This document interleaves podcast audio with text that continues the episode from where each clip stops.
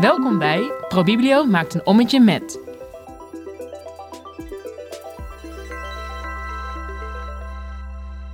Ik ben Maaike van Pelt, adviseur digitale geletterdheid bij ProBiblio. En vandaag neem ik jullie mee op een ommetje met experts, professionals en bibliotheekcollega's op de allereerste Plaza in praktijk. Virtual wordt steeds meer reality. Wat kun jij doen? Plaza in praktijk is het vervolg op Bibliotheek Plaza en biedt jou de kans om dieper in te gaan op de uitdagingen waarmee bibliotheken te maken hebben in deze tijd van snelle digitale veranderingen en nieuwe technologieën. Ik neem je mee op dit nieuwe Plaza in praktijkavontuur en ga gesprekken aan om antwoorden te vinden op de vraag: hoe blijf je als bibliotheek relevant in dit digitale tijdperk vol vragen? En ik ga op zoek naar concrete handvatten die direct toepasbaar zijn in jouw bibliotheek.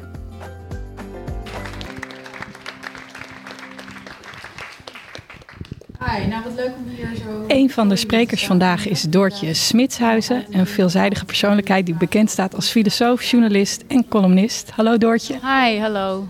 Jij schreef het boek Iedereen verslaafd, vraagteken, waarin je ons een spiegel voorhoudt van ons eigen digitale gedrag.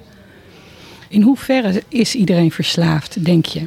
Ik denk dat we allemaal zeker verslaafd gedrag vertonen. Dat kan ook gewoon echt bijna niet meer anders, omdat we omringd zijn door verslavende producten op onze telefoon, op onze computer. Eigenlijk alles wat we online doen is dusdanig ontworpen dat het ons uh, langer dan we willen aan een scherm gekluisterd houdt. Bedoel, we, we leven in een aandachtseconomie. Er wordt alsmaar geld verdiend aan onze ogen die gericht zijn op schermen. Dus ja, iedereen vertoont wel verslaafd gedrag. Maar dat wil niet zeggen dat iedereen verslaafd is. En er is wel een groot verschil tussen mensen die ja, makkelijk kunnen stoppen met gamen op een gegeven moment en mensen die dat niet kunnen. En of je dat wel of niet kan, dat hangt dan vaak weer samen met ja, hoe je verder in het leven staat, uh, je situatie, je psyche, uh, of je veel mensen om je heen hebt met wie je goed kan communiceren en verbinden. En wat is het grootste probleem van die verslaving, denk je? Hmm. Wat ligt daaronder? Ja, dat is echt een hele, hele mooie vraag. Um, en dat is natuurlijk ook weer voor iedereen anders. Ik denk wat, het, wat zo op de loer ligt met digitale verslavingen, omdat ze ook een, verslaving zijn die heel erg maatschappelijk geaccepteerd is. We kunnen het eigenlijk niet meer aanzien als iemand een sigaret rookt. Dan moet je, ik kan geen eens meer op het terras, dan moet je echt om de hoek gaan staan, weet je wel. Maar digitale verslaving mag je eigenlijk overal manifesteren. Je mag gewoon op je telefoon en alles kan altijd. En daardoor sluipt het gewoon makkelijk in ons leven en wordt het een heel makkelijke ja, afleider van, denk ik, hele fundamentele problemen die we ervaren als mens, allemaal. Uh, Zoals? Nou, eenzaamheid, uh, uh, gewoon maatschappelijke stress. Dus iets waar steeds meer mensen heel erg veel last van hebben. En iets wat je heel kort, kortstondig kan oplossen door ja, op sociale media te gaan, met mensen te appen of iets dergelijks. En ik denk dat mensen steeds minder de ruimte voelen om ja, zeg maar openlijk voor hun problemen uit te komen en met anderen verbinding te zoeken daarover. Uh, omdat ook die digitale oplossingen er zijn. Maar die lossen het probleem natuurlijk niet helemaal op. Ik heb heel veel mensen gesproken die ook bijvoorbeeld dating-app verslaafd zijn. Of uh, ja, verslaafd zijn aan nieuws-apps. Dat is ook een hele belangrijke verslaving. Maar ook bijvoorbeeld Slack is heel verslavend. LinkedIn kan heel verslavend zijn. Dat je eigenlijk alles wat je, wat je online doet, daar zit vaak wel een verslavend element in. Uh, dus ja, je kan het eigenlijk zo gek niet bedenken. En het, het is wel verslavend als het online is. Ja. En wat kunnen wij eraan doen? Ik denk dat we er meerdere dingen aan kunnen doen. Ik denk dat er ook wel echt een rol voor een overheid of zo ligt om dus meer uh, bewustwording te creëren rond het geven dat die dingen die we online doen gewoon heel verslavend zijn. Want het heeft gewoon effect op je hersenen. Ik zie dat bij mezelf bijvoorbeeld ook met Instagram. Ik weet gewoon dat ik veel meer op Instagram ga als ik gestrest ben of ongelukkig. En anderzijds denk ik dat het ook wel draait om iets eerlijker naar jezelf kijken en misschien ook wel met meer met anderen erover praten. Want ik heb wel het idee dat het ook nog een beetje taboe is alle verslavingen zijn natuurlijk een beetje taboe, maar dit ook nog wel heel erg. Ik denk dat weinig mensen echt zeggen: Oh, ik voel me zo verslaafd aan mijn stappenteller, bijvoorbeeld. Um, terwijl ik denk, ja, het is echt niks om je voor te schamen, want die dingen worden zo ontworpen. Dus het is niet raar dat je die gevoelens hebt. Hoe zouden we onszelf positief kunnen uitdagen, denk je? Persoonlijk, maar ook als bibliotheek? Nou, ik denk dat de bibliotheken echt een hele goede plek zijn om dit gesprek dus aan te gaan. Ik denk dat daar heel veel mensen komen die uh, bewust of onbewust op zoek zijn naar aansluiting. En op zoek zijn naar misschien uh, een manier om om te gaan met gevoelens die ze niet helemaal een plek kunnen geven. Uh, dus ik denk dat juist ja, vanuit de bibliotheek duidelijk een soort van communiceren van hey, al deze mogelijkheden zijn er en die zijn super tof en die kunnen je ook echt helpen. Maar er zit ook een andere kant aan. Dat lijkt me heel waardevol. En ja, voor jezelf komt het volgens mij toch ook heel erg neer op die eerlijkheid. Gewoon naar jezelf en naar anderen. Kwetsbaar durven zijn, open durven zijn over je gevoelens. Ook al zijn ze soms anders dan je denkt. Zoals ik dacht dat ik heel erg niet verslavingsgevoelig was en toch wel bleek. Um, want vaak leer je best wel veel over je eigen situatie als je doorhebt waar bepaald gedrag vandaan komt. Nou, heel veel succes en dankjewel. Ja, dankjewel. Iris, jij werkt als adviseur digitale geletterdheid jeugd bij de KB, de Koninklijke Bibliotheek. Wat is jouw visie op het gebied van digitale geletterdheid en digitaal burgerschap? Hoe raken zij elkaar? Uh, zowel digitale geletterdheid als digitaal burgerschap uh, zorgen er eigenlijk voor dat ieder mens, uh, dus jong en oud, mee kan doen en mee kan blijven doen in de samenleving zoals we die met elkaar hebben. En wat zijn de laatste ontwikkelingen op deze twee thema's? Voor, of in ieder geval ontwikkeling voor digitale geletterdheid, is dat er het nieuwe curriculum aan gaat komen. En dat digitale geletterdheid daarbij een nieuw leergebied zal zijn. En dat is uh, relevant voor de bibliotheken in de samenwerking met het onderwijs. Uh, waarbij waarschijnlijk een focus zal blijven liggen ook op de informatievaardigheden en mediawijsheid. En voor digitaal burgerschap is dat natuurlijk dat we de financieringsregeling hebben. Waar bibliotheken uh, zich op kunnen aanmelden om aan de slag te gaan met digitaal burgerschap. En wat is de noodzaak voor bibliotheken om daarmee aan de slag te gaan? Waarom is dat zo belangrijk? Nou, als bibliotheek sta je midden in de samenleving en bied je eigenlijk mensen de kans om, om mee te kunnen blijven doen uh, in, in, die, in die gekke, snelle ontwikkelende samenleving. En, en kun je iedereen een kans bieden om je leven lang te blijven ontwikkelen. En hoe zorgt de KB ervoor dat bibliotheken de juiste middelen en ondersteuning hebben om kinderen en jongeren en ook volwassenen, dus eigenlijk iedereen, uh, te begeleiden bij digitale geletterdheid en digitaal burgerschap? Zijn er specifieke trainingen, tools of programma's beschikbaar? Uh, we hebben in ieder geval voor het programma Digitaal Burgerschap nu uh, die financieringsregeling. En daaraan gekoppeld zit dat we nu druk bezig zijn met de deskundigheidsbevordering en daar een leerlijn eigenlijk in aanbrengen. En dat beschikbaar stellen voor bibliotheekmedewerkers, zodat zij vervolgens de best mogelijke uh, programmering en ondersteuning en hulp kunnen bieden aan de bezoekers die ze hebben. En voor digitale geletterdheid zijn we aan het kijken hoe we in relatie tot het onderwijs een programma kunnen maken. Misschien met een soortgelijke aanpak als de bibliotheek op school. Um, om in ieder geval op de gebieden van informatievaardigheden en mediawijsheid dat daar concreet aanbod voor is, maar ook profe professionalisering mogelijk is voor bibliotheekmedewerkers, zodat ze in het onderwijs weer uh, die stappen kunnen gaan zetten op die gebieden. En wat is jouw belangrijkste tip uh, voor de luisteraars? Wat kunnen zij doen om kinderen en volwassenen voor te bereiden op de digitale toekomst? Uh, wees nieuwsgierig uh, naar elkaar. ga in gesprek met elkaar. En als je vragen hebt, dus stel ze. En, en misschien niet per se aan een mens, maar misschien soms ook aan de computer. En, en, daar is echt al heel veel informatie te vinden. nou, daarin wordt ook weer de functie van de bibliotheek, zeg maar. Hoe ga je die informatie nou goed vinden? Wordt ook weer relevant. Maar wees nieuwsgierig en stel vragen. Ik denk dat dat voor nu even de meest simpele suggestie is. Oké, okay, hartelijk dank. Dankjewel voor de uitnodiging. En nu is het tijd om zelf aan de slag te gaan. We gaan naar de werksessie Hoe word je zelf een kritische digitale burger? Bij mij staat Marloes Mansande, adviseur digitale geletterdheid bij ProBiblio en begeleider van deze workshop. Hallo. Hoi. Ik ben heel benieuwd. Uh, welke praktische handvatten en tips heb jij voor ons? Hoe kun je bibliotheekbezoekers op weg helpen in de online samenleving? Ik denk dat het uh, vooral gaat om uh, motivatie. Uh, motivatie van de bibliotheekbezoeker om aan de slag te gaan met digitale thema's. Want we willen heel graag kennis en vaardigheden in mensen stoppen. Maar de als de motivatie ontbreekt, dan ja, komen we nergens. Dus ik denk dat dat een van de grootste handvatten is. En dat is niet te makkelijke. Nee, want hoe doe je dat? Uh, ja, we zijn het kampioen in uh, eigen argumenten opleggen. dus ik stel voor, laat mensen hun eigen argumenten bedenken waarom ze ander gedrag willen laten zien op digitaal gebied. Dan heb je al iets meer een stok achter de deur. Ja, want het gaat eigenlijk ook heel erg over hoe word je zelf een kritisch burger. Hè? Zodat je dat ook misschien kunt overdragen hopelijk op, uh, op die bibliotheekbezoeker. Heb je daar tips voor? Wat zijn handige tools die je daarvoor kunt gebruiken om je uh, zelf kritisch te blijven kunnen informeren? Ja, ik denk dat je altijd moet verdiepen in kennis. Dus uh, als je het over bijvoorbeeld kunstmatige intelligentie hebt, wat is het? Hoe werkt het? kan ik zelf kunstmatige intelligentie maken? Dus de vaardigheden. En welk gedrag wil ik dan laten zien als ik rondom dat thema? Maar je kan dus ieder thema uitdiepen die je wil. Welke motivatie heb ik in mezelf om daar iets mee te willen? En kom ik in de gelegenheid uh, om daar uh, mijn gewenste gedrag in te laten zien? We hadden het net ook in de workshop over bijvoorbeeld uh, social media en WhatsApp. En een deelnemer zei zelfs letterlijk: Ik wil stoppen met WhatsApp, maar het kan niet, want al mijn vrienden gebruiken het. Dus de sociale druk is zeker ook een belangrijke speler. En hoe kan je dan beter die online regie pakken op digitaal gebied bij zo'n uh, groepsdruk bijvoorbeeld?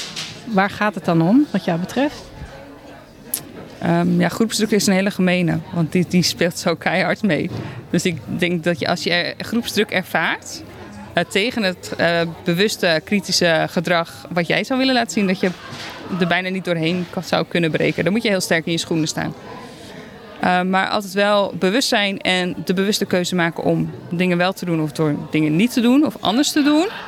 Nou, als je dat al daarmee bezig bent, ben je voor mij al flink op weg om een uh, goede digitale burger te, te, worden of te zijn. Want het is niet iets waar je een eindstreep voor hebt. Dus het hangt allemaal vast van je gedrag, je houding en hoe je ermee omgaat. Tot slot heb jij nog een leuke uh, praktische tip voor uh, bibliotheekmedewerkers om uh, ja, een, een, kritische burger te kunnen blijven? Ja, als je je in digitale thema's wil verdiepen, um, zou ik zeggen zoek gewoon op lesmateriaal voor kinderen en ga dat gewoon doen, want dan lekker laagdrempelig. Dankjewel Marloes. Alsjeblieft. Ik sta bij de werksessie Hoe besteed je aandacht aan AI in je programmering? Kunstmatige intelligentie, AI is overal en als motor in veel systemen die we dagelijks gebruiken. Met het AI-kookboek kun je hiermee een plek geven in je programma-aanbod. Het kookboek bestaat uit verschillende gerechten die je als workshop in je bibliotheek kunt aanbieden. Jeroen de Boer, jij bent projectleider adviseur digitaal burgerschap bij Veerda, een MBO-ROC in Friesland, en bij de KB en medeoprichter van het AI-kookboek. En het AI-kookboek is een concept dat gerechten combineert met het uh, informatie leveren over AI eigenlijk. Hè? Hoe kunnen bibliotheken het AI-kookboek gebruiken? Uh, in principe is het AI-kookboek bedoeld om in jouw programmering uh, aandacht te geven aan AI. met als doelstelling om eigenlijk binnen al die gerechten de deelnemers met elkaar het gesprek te laten aangaan. Um, en we proberen het echt wat los te trekken van de technologie. Dus het is geen inleidende activiteit van wat is AI. Of, uh, dus dat, wat, daar zijn allemaal, allemaal mooie, mooie programma's voor. Maar we willen graag de dialoog faciliteren. En het eigenlijk proberen terug te brengen naar wat je zelf in het leven belangrijk vindt. Ik hoorde ook een van de deelnemers uh, vertellen dat ze zelf uh, um, een hartaanval had gehad. Hè? En dat, dat zij in die zin ook uh, ja, bepaalde tools gebruikt die AI gestuurd worden. Ja, dat, dat illustreerde wel hoe je AI kunt inzetten voor je gezondheid. Tegelijkertijd gaf deze uh, dame ook aan van ja, ik gebruikte het toen het voor mij heel relevant was, maar nu eigenlijk niet meer. Niet omdat het niet kan, maar omdat ik niet 24/7 op de hoogte wil zijn of waarschuwingen wil krijgen dat het misschien wel eens mis zou kunnen gaan. Um, en dan heb je het dus eigenlijk over een waarde, misschien wel als gemoedsrust of soevereiniteit. Uh, hè, dus je, je, je innerlijke rust vind je dan belangrijker dan weten van joh, maar ben ik nou ziek, ja of nee? Ehm, los van de vraag of het dan levensbedreigend is. Of, uh, nou, ze hebben we allerlei uh, stellingen. Bijvoorbeeld ook de stelling: durf je op pad te gaan zonder, zonder digitale navigatie? Nou, en durf jij dat? De, met steeds meer moeite. Ja, want het is zo gemakkelijk. Um, en daar ontstaat dus ook weer een gesprek over. Omdat er ook mensen in de zaal zijn die zeggen van ja, maar ik, ik doe het heel graag zonder. Want dan kom ik voor onvoorziene uh, verrassingen te staan. En dat vind ik leuk. Uh, en de uitdaging is dan telkens om dat weer terug te brengen naar van ja, maar wat zijn dan die waarden die jij belangrijk vindt in het leven? Dus is avontuur voor jou heel erg belangrijk? Nou ja, dan kun je ook weer de vraag stellen van ja, maar daar kan die technologie mij ook bij helpen. En want als andere mensen al hebben bedacht voor mij, van ja, maar via die wandelapp kan ik aangeven wat een super mooie wandeling is met heel veel uitdagingen.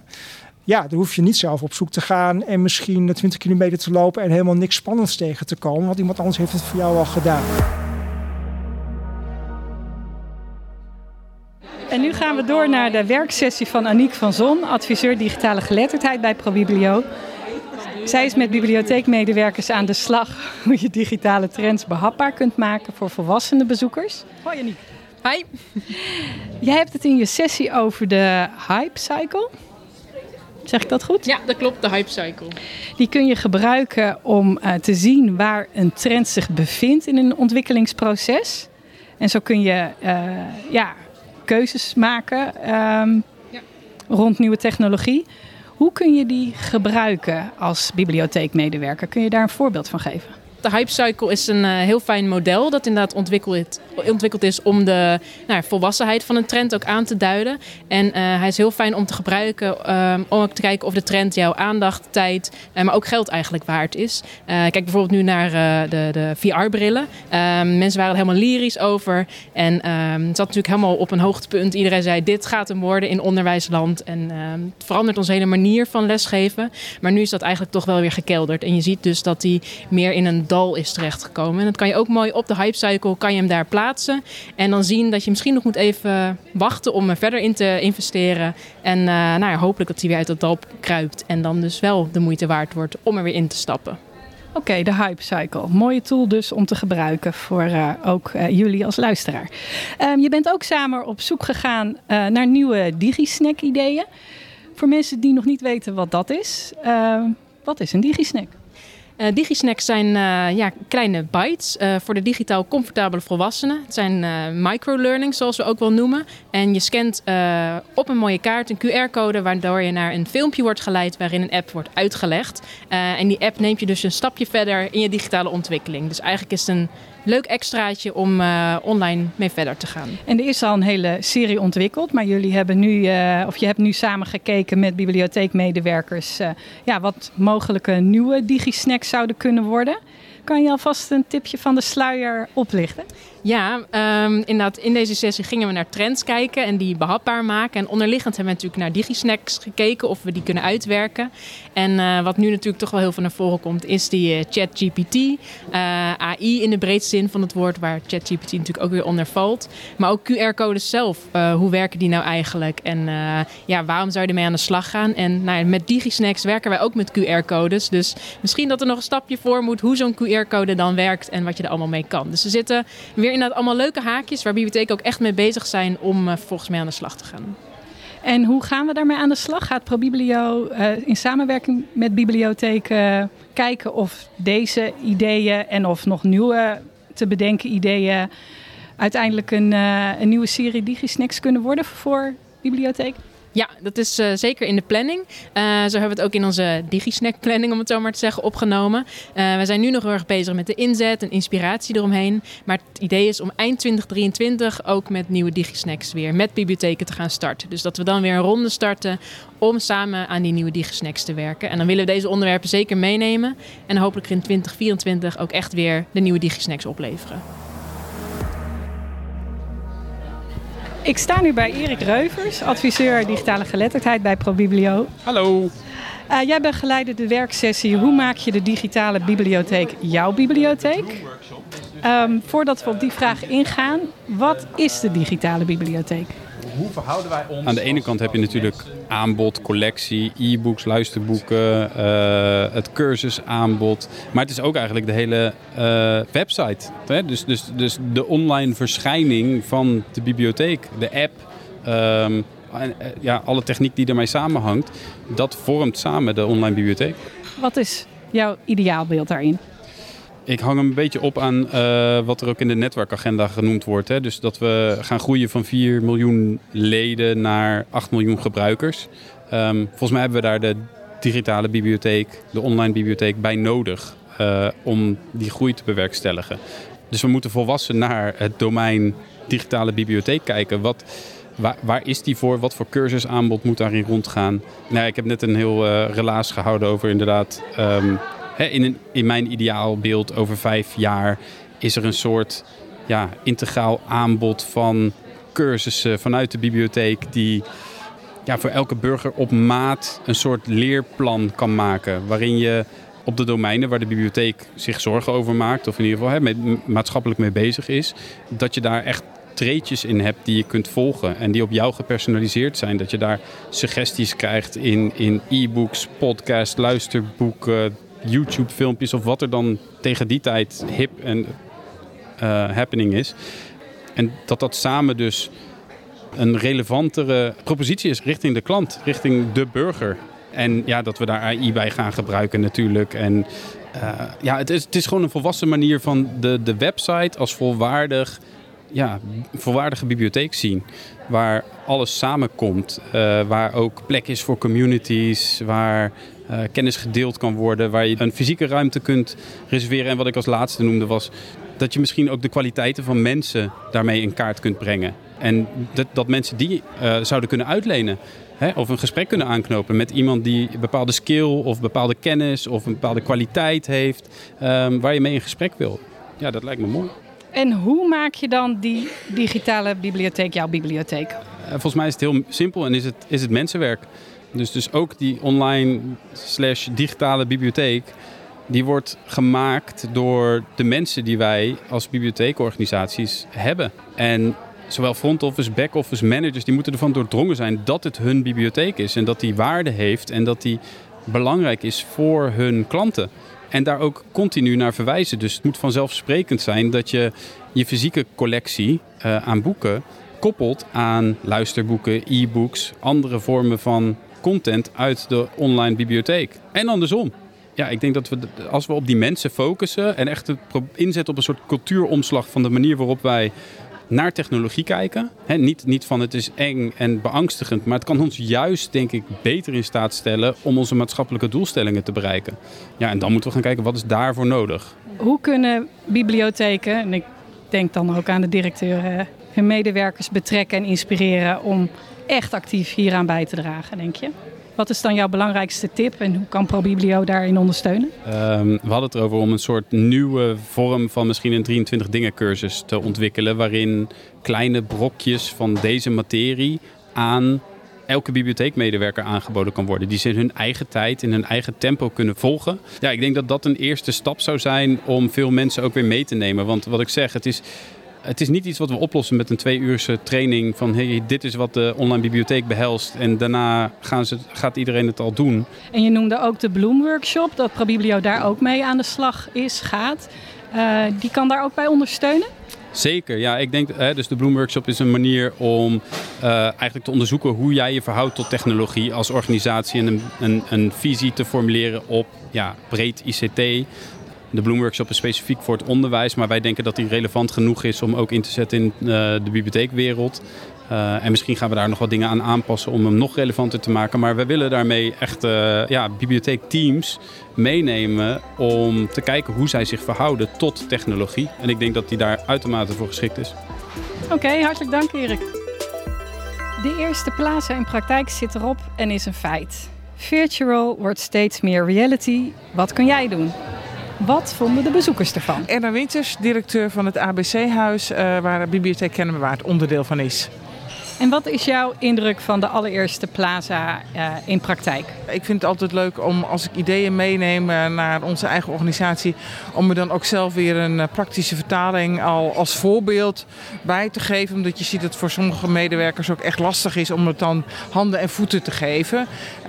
Maar er zat er ook best veel informatie bij. Ik denk, nou, daar kan ik op het strategisch, om strategische keuzes te maken, ook nog weer meenemen in de achterzak en daar beleid uh, op te laten ontwikkelen. En als je Plaza in praktijk een cijfer zou uh, mogen geven, wat wordt het dan? Een 8, ja. Ja, ik ben Sebastian van der Linden. Ik ben programmamaker van de 21e eeuwse vaardigheden bij de Westfriese Bibliotheken. En wat uh, heeft jou het meest uh, geraakt op deze allereerste Plaza in praktijk? Um, dat het ook echt wel gericht was op de praktijk. Dus dat we met uh, leuke sessies hebben gezeten. Waarbij de focus ook ligt van hoe ga je. Hè, ik heb dan bij een van de sessies gezeten waarbij je digitale trend omzet naar iets wat je ook in de praktijk wil toepassen. Uh, en een stappenplan wat je daarvoor kan zetten. En dat was voor mij ook nieuw. Dus, uh, wel die hype cycle. Ja, die hype cycle. Ja, was voor mij uh, iets wat ik nog niet eerder was tegengekomen. Dus dat was wel erg leuk. En leuk ook om te horen hoe andere associaties weer maken met de digitale trends die er zijn. En dat zich kan laten vertalen naar de praktijk. En uh, is er ook iets waarvan je denkt, uh, daar ga ik meteen mee aan de slag? Dus misschien met die hype uh, cycle? toevallig nou net niet met die, maar wel met de andere sessie die ik heb bijgewoond. Het gaat over de AI, hoe je programmering over AI kunt brengen in de bibliotheek. En toen is mijn ogen gevallen op um, What the Future Wants. Dat is onderdeel van de AI-parade ook. En wij hebben sinds kort een jongerenvloer in, in een van onze bibliotheken in Stedenbroek. Het lijkt ons heel erg interessant om dus uh, uh, die tentoonstelling ook echt te gaan ophangen. En ja, wat praatsessies met de jongeren daar te organiseren. Dus dat is iets wat we echt als quick win snel willen toepassen. Ik geef Plaza in praktijk het cijfer 8. Want ik vind het goed. Ik vond het een hele leuke dag. En uh, eigenlijk vooral de, de schrijver Doortje, die vond ik super.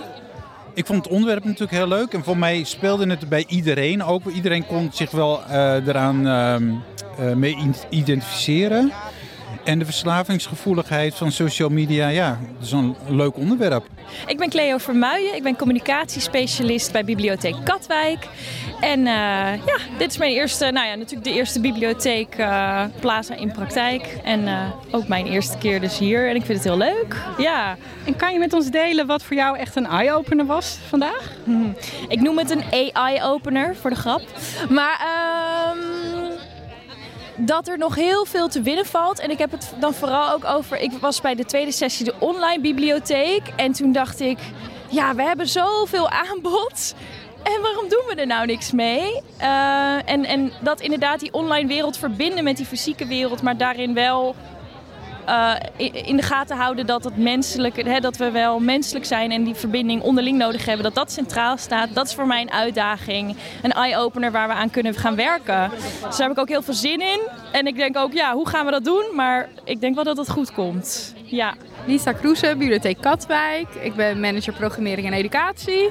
En heb jij um, iets heel specifieks wat je meeneemt? Um, digitaal burgerschap, dat dat wel echt zeg maar, dichtbij zijn de toekomst is. En daar zijn we ons wel bewust van. Maar ik denk dat we er wel meer mee moeten qua programmering, educatie. En dat we heel goed moeten gaan nadenken over welke doelgroepen willen we daarmee bereiken en voor wie willen we dat doen. En uh, ik denk dat we daar ons wel een stukje bewuster van geworden zijn. Yes, mijn naam is Koen Smeelde. Ik werk bij Bibliotheek Gooi Plus. En ik doe eigenlijk alles op het gebied van digitale activiteiten bij onze bibliotheek. Vond vandaag vooral heel erg leuk omdat het heel erg praktisch toch wel ingestoken was. Soms heb je met dit soort evenementen dat ze ja, vrij in het theoretische en ja, goh, interessant blijven hangen. En hier heb ik wel een paar concrete dingen meegenomen om ook uit te gaan voeren. Zoals de AI-kookboek wil ik gaan gebruiken in de Week van de Mediawijsheid. Dus heb ik al bijna een kant-en-klare activiteit, als ik het zo hoor. En daarnaast uh, was ik ook bij de sessie van de online bibliotheek. Of wat kan je nou met je bibliotheek in de digitale wereld? En daar zijn echt nog hele grote stappen te zetten binnen onze organisatie.